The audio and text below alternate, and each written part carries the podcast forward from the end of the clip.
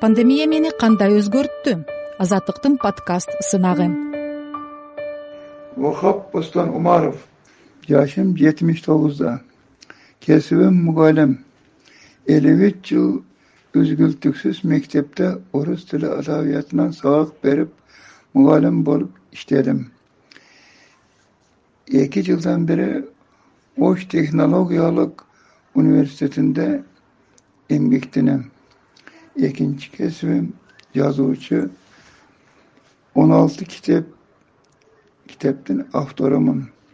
Теңир сөз көчмөндөр акылы деген аталыштагы эмгегим он жолу кайрадан оңдолуп толукталып басмадан чыкты. Китеп коомчулукта кызыгуу жаратканын китепке айтылган окурмандардын ой пикирлеринен оңой эле байкоого болот. Жашоом орто заар үчүнчү топтогу майыптыгым да бар. Эми сөздүн тоготер жерине келсек көзгө көрүнбөгөн кооптуу жоо коронавирус пандемиясы дүйнө жүзүндөгү элдердин катарында кыргыз элин да кыйгап өтпөдү.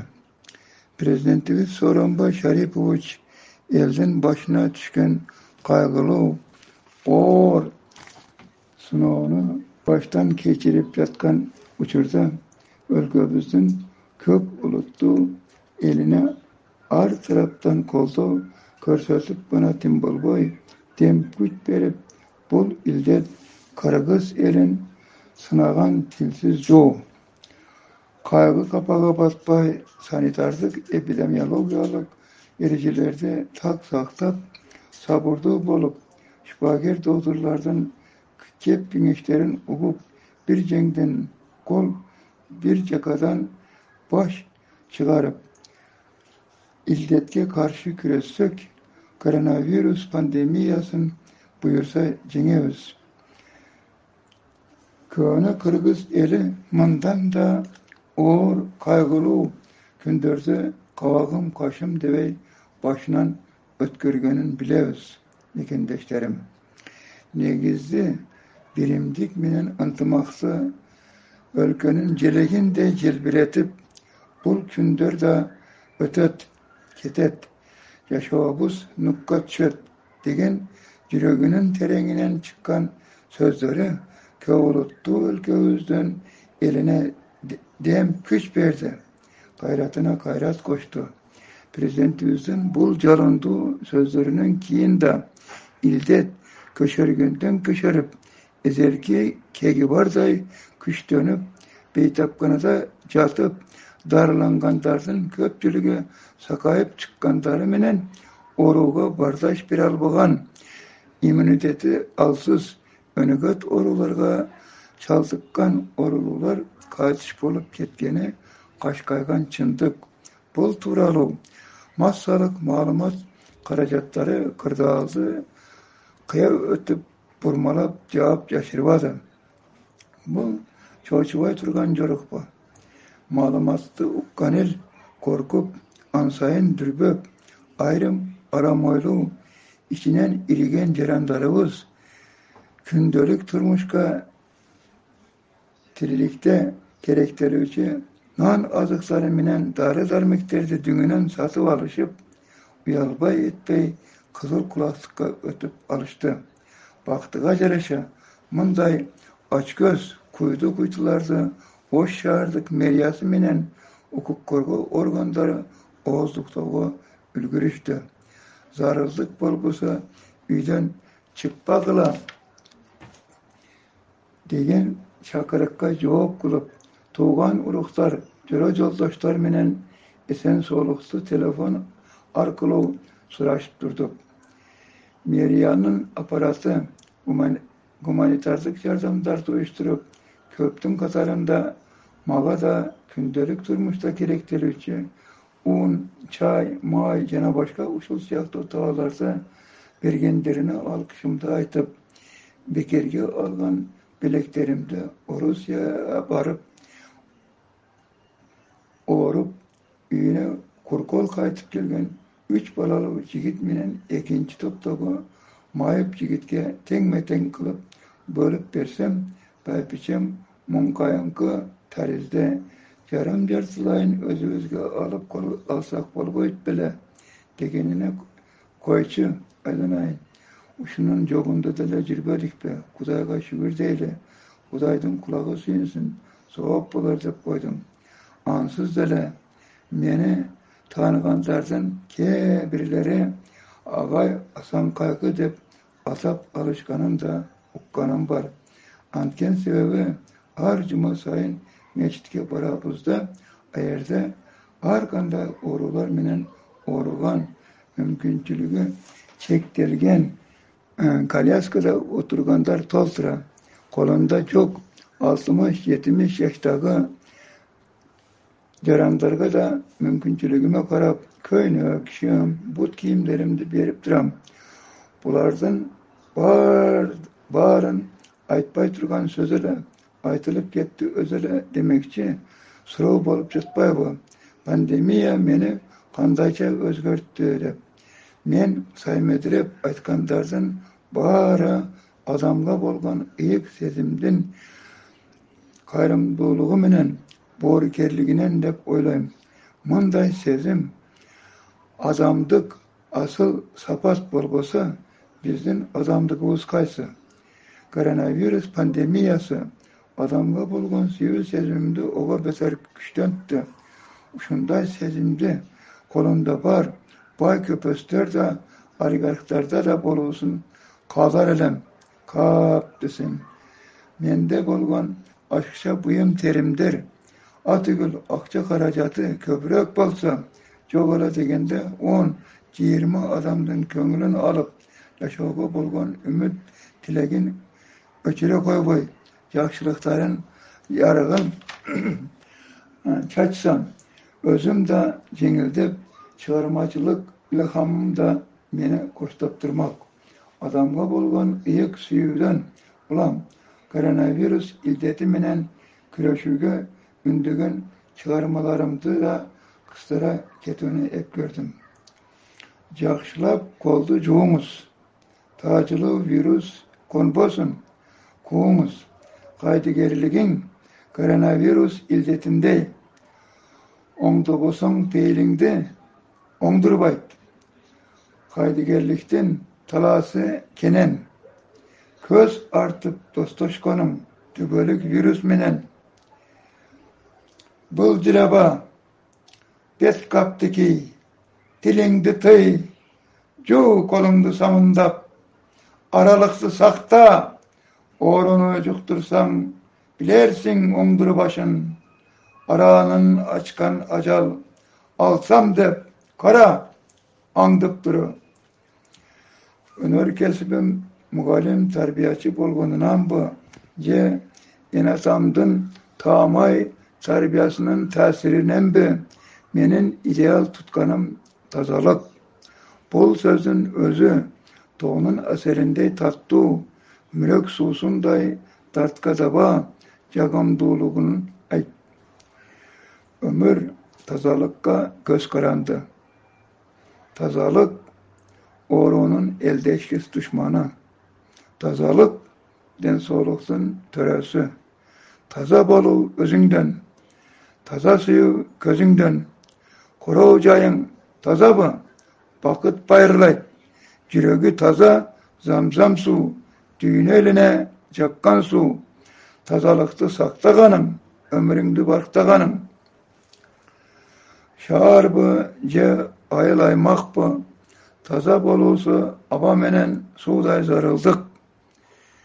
Бир кашкайган чындыкты айтпай коюуга мүмкүн эмес кээде шааргабы же айыл кыштактаргабы өкмөттөн же президенттик аппараттан комиссия келчү болсо бүт элди түп көтөрө негизги иштеринен алаксытып мектеп окуучулары баш болуп комиссия келчү аймакты май тамса жалагандай кылып мизилдеде тазалатып коюшат. Жогорку рангадагы жетекчилер көрүшөт алар кеткенден кийин акыбал баягысындай эле өзгөрбөй калат. Ойлоп көрүңүз мындай заказ кылынган жашынмак ойногон тазалыктын кереги кимге? Муну менен ошол комиссия барган аймак шаардын кожоюндары жетекчилери кимди алдашат? Бул жаш балдардын иши эмеспи я эгер ошол жогорку рангдагы имам чиновниктердин акыл эси ордунда болсо бул жериңер сонун экен. Башка жерлериңерди да көрөлүчү деп жагымпоз жетекчилерди шакабалап чымчып коюшпайбы десең коронавирус пандемиясы энасамдай болгон нарктуу да барктуу да тазалыкка болгон жылуу жумшак мамилемди түп тамырынан бери өзгөртүп салганын моюндайм урматтуу угармандар тазалык деген ыйыкты үйдө гана эмес ишкана мекемелерде стадион театрларда койчу адам болчу ар кайсы жерде тазалык адам баласын көлөкөдөй ээрчип жүрүшү абзел. Анткени тазалык бул өмүр жашоо тазалык бул ден соолук эл жашаган аймактарда айыл өкмөтү менен айыл өкмөтүн көчө менен көчөнүн шаар менен шаардын үй кашан ичинде дом менен үйдүн домдун квартал менен кварталдын ортосунда тазалык боюнча мелдеш сынактарды өткөрүп жеңүүчүлөргө өлкөнүн көчмө желеги менен баалуу сыйлыктарды берип стимулдаштырса бул мелдеш сынак адатка айланып өлкөбүз кооздукка бөлөнүп жаркырап көргөндөн айрыкча туристтердин көңүлүн көтөрүп куш кылып турса кана коноктор элине кайтканда көргөндөрүн аңыз кылып айтып барышмак кап десең мектеп окуучулары жаш кезинен тазалыкка көнүгүшүп ыпыр сыпыр таштандыларды азыркыдай көрүнгөн жерге таштабай маданияттын мыйзамдарына баш ийүүгө көнүгүшмөк. Жашы улуулар да насыбайларын түкүргөндү коюп сигарет чеккендер таштандылардын абайлап таштамак. Мына ошондо ким түкүрсө тазалыкты сактабаса айып пул салса жарашмак. Ал эми коомдук тамактануучу жайлардын тазалыгын санитардык эпидемиологиялык станциялардын кызматкерлери көзөмөлгө алууга мажбур болушмак. Мен тазалыкты баалап барктаган инсан катары коронавирус пандемиясы менен тазалыкка болгон мамилемдин масштабын кеңейтүү менен чоң жоопкерчиликти да жүктөдү. Чоңбу кичинеби жетекчилердин камылдамасына кирип алар менен маңдай тескей отуруп кеңешип өзүмө тарапташтарымды таап тазалык үчүн күрөштү күчөтүүгө массалык маалымат маалым массалык маалым маалымат каражаттары менен тыгыз кызматташууга чакырык таштады. Бул мага шаар э, пенсионер мугалимге өтө эле оор жумуш экени экенине карабай. Колуман келишинче күрөшкөнгө даярмын. Коронавирус пандемиясынын мага орчундуу эскертүүлөрүнүн бири мындай болду. Табигат ар кандай сыноолоруна кырсыктарына адам баласы кыраакылык күчөтүп күрөшкө дайым даяр болууга кайдыгерлик оорусуна өзүм жашаган чөлкөмдө гана эмес өлкөмдө да элдешкис мамиледе болуп балта чабууга чакырык таштады. Алгач коронавирус илдети кытайда өз өнөрүн көрсөтүп жаткандыгын угуп көрүп туруп мекендештеримдин чалаакылыктары бүйүрүмдү кысытпай койбоду республикабызда алгач илдетти жуктуруп келген кичи ажылык сапардан кайтып келген беш алты гана орулуну тыкыр текшерип обсервацияга жаткырыш керек болчу саламаттык сактоо министринин министри космосбек чолпонбаев ички иштер министри юнушалиев ош областтык ички иштер башкармалыгынын башчысы полковник нурдинов анан калса дин башкармалыгындагы тийиштүү жетекчилердин өздөрүнө жүктөлгөн милдеттерине жоопкерсиздигинин кесепетинен илдет тез эле бүт өлкөгө тарап кеткендиги анык. Мени оюмча жаратылышка жырткычтарчасынан мамиле жасагандыктын кесепетинен ушундай каргашалуу окуялар жүз берүүдө. Коронавирус пандемиясы мени жаратылышка болгон мамилемди көз карашымды түп тамырынан бери өзгөртүүнү сунуштады. Тагыраак айтканда жаратылыш менен экологияга болгон мамилеңерди өзгөртпөсөңөр кар көчкү жер көчкү зилзиле топон суу кыяндын жүрүүсү чагылгандын түшүүсү боло берет улам кайталана берет. Аталган кырсыктар кайдан келген кырсыктар деп таң калбагыла.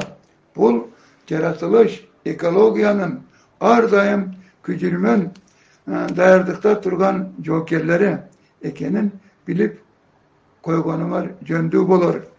Айтпай коюуга мүмкүн болбогон пандемиянын негизги аманат сөзү мындайча. Эй адамдар бассаң турсаң акча байлык дей бербей адам болгон соң адамдык асыл сапаттарыңарды көзүңдүн карегиндей аздектеп аспеттеп бириңер бириңерге өйдөдө өбөк ылдыйда жөлөк болгонду жазып алды жактагандай жаттап жадыңардан чыгарбагыла деген нускалуу сөзү болгонун жашыра албайм. Мындай ишаратты дүйнө жүзүндөгү мамлекеттер иш жүзүндө далилдеп коюшканы качан? Биздин капчыгы жука кайырчы өлкөгө жардам колун созуп коронавирус пандемиясын биринчи толкунун жеңүүгө салмактуу салымын кошпогон өлкөлөр аз эле калгандай. Дүйнө жүзүндөгү мамлекеттердин мындай колдоого аларлык демилгелери жеке жарандарга да чоң сабак болду көрүнөт. Охап бостон умаров кыргыз республикасынын эмгек сүйгөн мугалими жазуучу публицист коомдук ишмер. Пандемия мени кандай өзгөрттү? Азаттыктын подкаст сынагы